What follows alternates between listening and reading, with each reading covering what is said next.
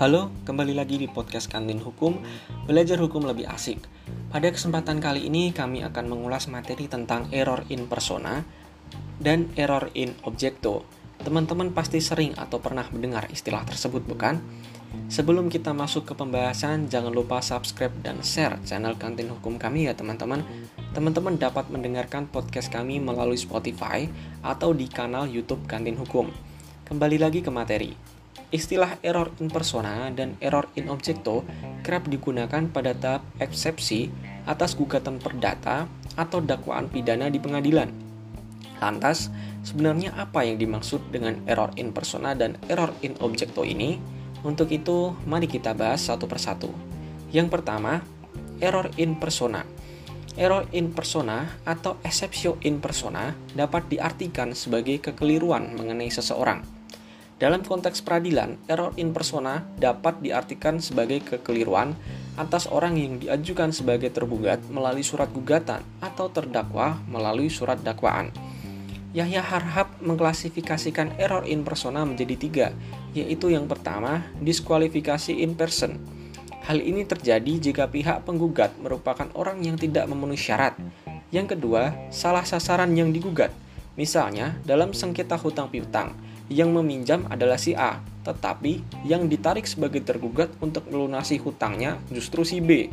Berarti ada kekeliruan sasaran di sini. Ketiga, gugatan kurang pihak atau plurium litis consortium. Kondisi ini terjadi jika pihak yang bertindak sebagai penggugat atau yang ditarik sebagai tergugat tidak lengkap karena masih ada orang yang seharusnya ikut bertindak sebagai penggugat atau tergugat. Misalnya dalam suatu kasus, PT ABC meminjam uang kepada BPD menggunakan sertifikat tanah si A selaku pemegang saham. Pada saat si A sudah tidak berkedudukan lagi sebagai pemegang saham, A kemudian meminta PT ABC untuk mengembalikan sertifikat tanah miliknya. A kemudian menggugat PT ABC ke pengadilan untuk mengembalikan sertifikat tanah tersebut. Tetapi, pengadilan berpendapat bahwa seharusnya A juga mengikut sertakan BPD sebagai tergugat karena BPD tidak ikut digugat, gugatan tersebut kemudian mengandung cacat error in persona dalam bentuk plurium litis consortium. Dalam hukum pidana, istilah error in persona bisa terjadi pada saat dakwaan dialamatkan pada orang yang salah.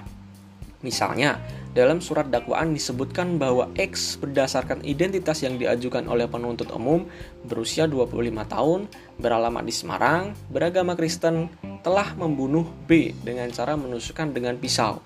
Kemudian X mengajukan eksepsi karena identitas X yang diajukan oleh penuntut umum dalam surat dakwaan tersebut justru tidak sesuai dengan dirinya. Misalnya, X yang didakwakan ini ternyata berusia 50 tahun, beralamat di Surabaya, dan beragama Islam.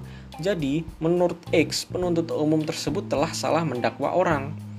Di sisi lain, di dalam lingkup tata usaha negara atau TUN, error in persona dapat terjadi jika penggugat menggugat pihak yang salah. Dalam hal ini bukan pihak yang mengeluarkan keputusan TUN yang menjadi objek gugatan.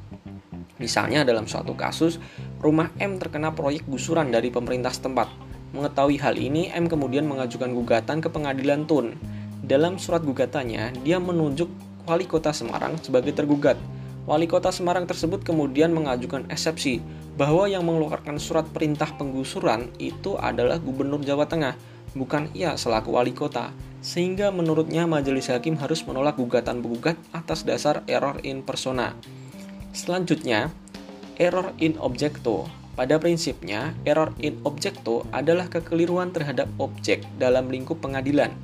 Error in objecto ialah kesalahan gugatan atau dakwaan karena adanya kekeliruan terhadap objek yang digugat atau didakwakan. Misalnya dalam suatu kasus, Z menggugat kepala daerah ke pengadilan Tun atas keputusannya yang mengakibatkan tergusurnya rumah Z.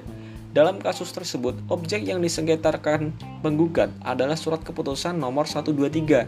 Padahal, perintah penggusuran tersebut dikeluarkan melalui surat keputusan nomor 456, bukan nomor surat keputusan 123. Kesalahan atas objek yang disengketakan tersebut kemudian disebut sebagai error in objecto. Nah, sampai sini teman-teman sudah mengerti? Jadi ringkasnya, Error in persona itu mengacu pada kesalahan atas diri seseorang tergugat atau terdakwa di dalam surat gugatan atau surat terdakwa. Sedangkan error in objecto itu kekeliruan terhadap objek yang digugat atau didakwakan. Baik, sekian materi pada kesempatan kali ini. Apabila teman-teman ada pertanyaan, kritik, atau saran dapat dikirimkan melalui email kami di kantinhukum17@gmail.com. Sampai bertemu kembali di kesempatan selanjutnya.